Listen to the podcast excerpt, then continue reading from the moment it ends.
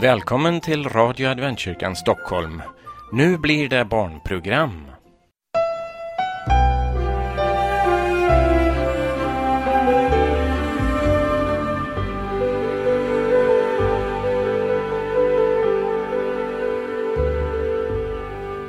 Magnus tyckte det hela var mycket intressant. Han hade alltid velat uppfinna någonting och nu hade han gjort det.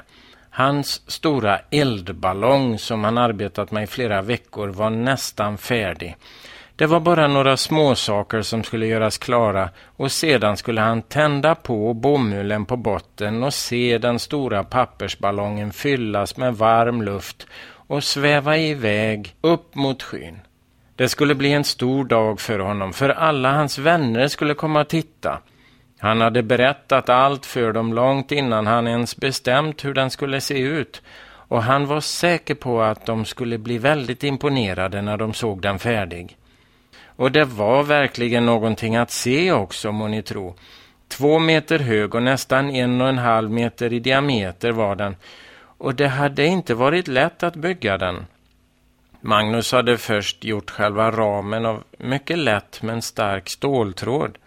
Sedan hade han klippt långa remsor av silkespapper i olika färger, alla i rätt form, precis som skalen på apelsinklyftor. Så när de klistrades ihop så blev det en stor pappersboll omkring ståltrådsramen. Vilket arbete det hade varit att klistra ihop kanterna på det där papperet! Flera gånger hade det gått sönder eller klibbat ihop på fel ställe.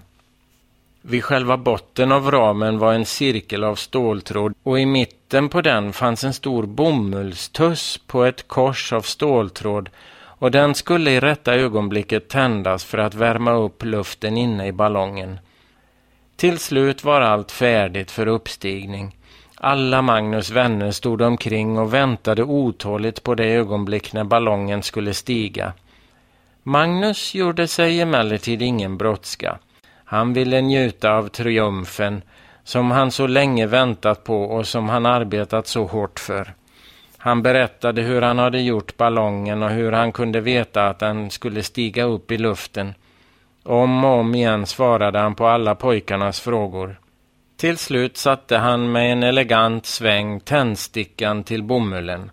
Den flammade upp och barnen gick åt sidan för att se när luften inuti värmdes upp och den stora silkespappersbollen skulle lyfta.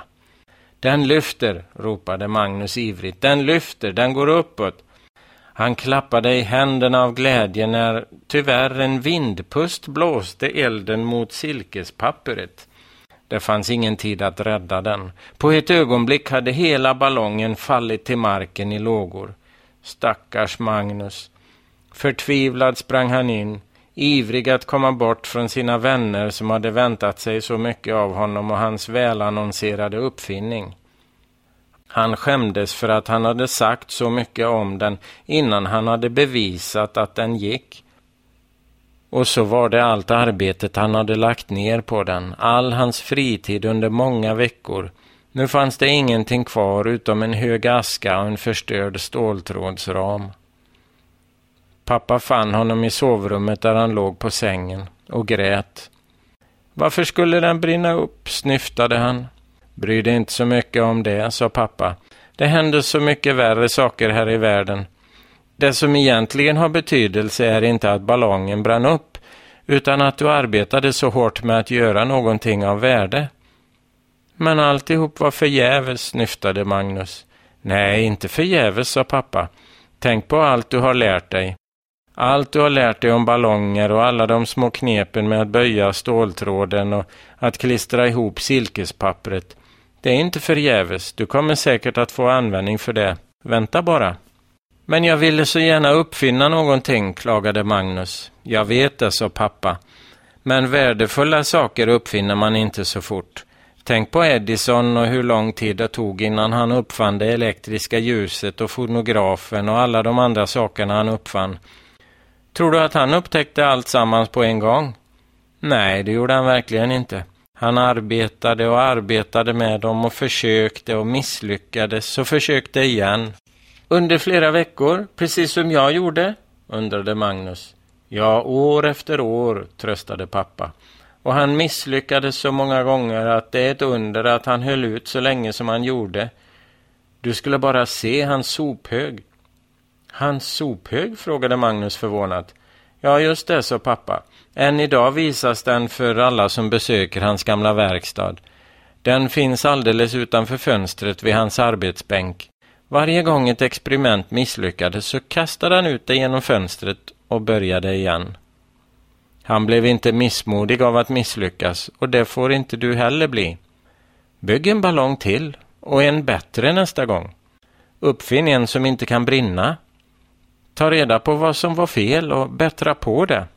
Det är så alla värdefulla uppfinningar kommer till.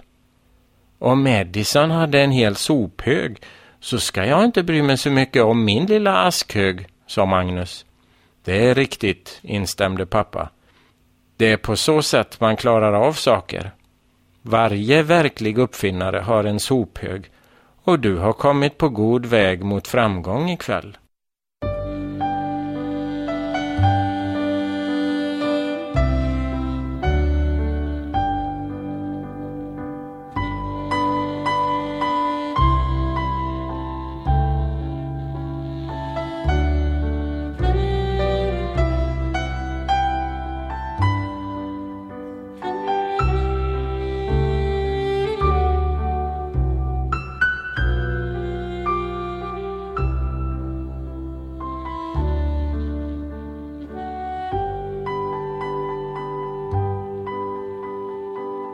Och nu tror jag nog att vi hinner med en berättelse till.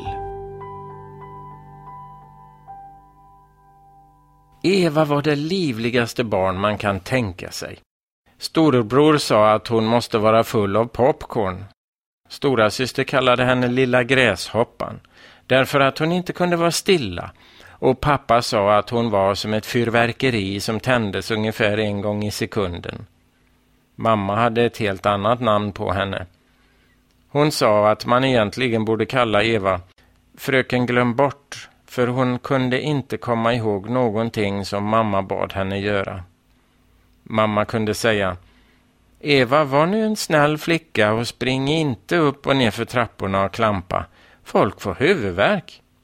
Då blev det tyst en liten stund, men innan någon fått vila tio minuter så började allt oväsendet igen. Dump, dump, dump, hörde man Evas fötter när hon sprang genom huset igen. Och när mamma då sa Men Eva, vad var det jag sa till dig om att föra oväsen? Så svarade Eva ödmjukt Förlåt mamma, jag glömde bort det. Det lät alltid likadant. Förlåt mamma, jag glömde bort det. Mamma visste inte om hon skulle straffa henne eller inte. Eva menade inget illa, hon var bara glömsk. Men det var ändå mycket påfrestande för alla samman. En dag hade mamma satt på Eva ett fint rent förkläde, rena sockor och nyputsade skor. Med sitt lockiga hår såg hon ut som en söt liten tusensköna och hon lyste också lika vackert. Nu lilla vän, sa mamma, försök nu riktigt ordentligt att vara en snäll flicka idag. Se hur länge du kan hålla dig lika ren och fin som du är nu. Ja, mamma, sa Eva med sitt strålande leende. Jag ska hålla mig lika fin hela dagen. Det hoppas jag, sa mamma med ett stort frågetecken i tankarna. Eva rusade ut i trädgården och upptäckte att storebror hade satt på vattenspridaren. Det var en varm morgon och solen blev varmare för varje minut.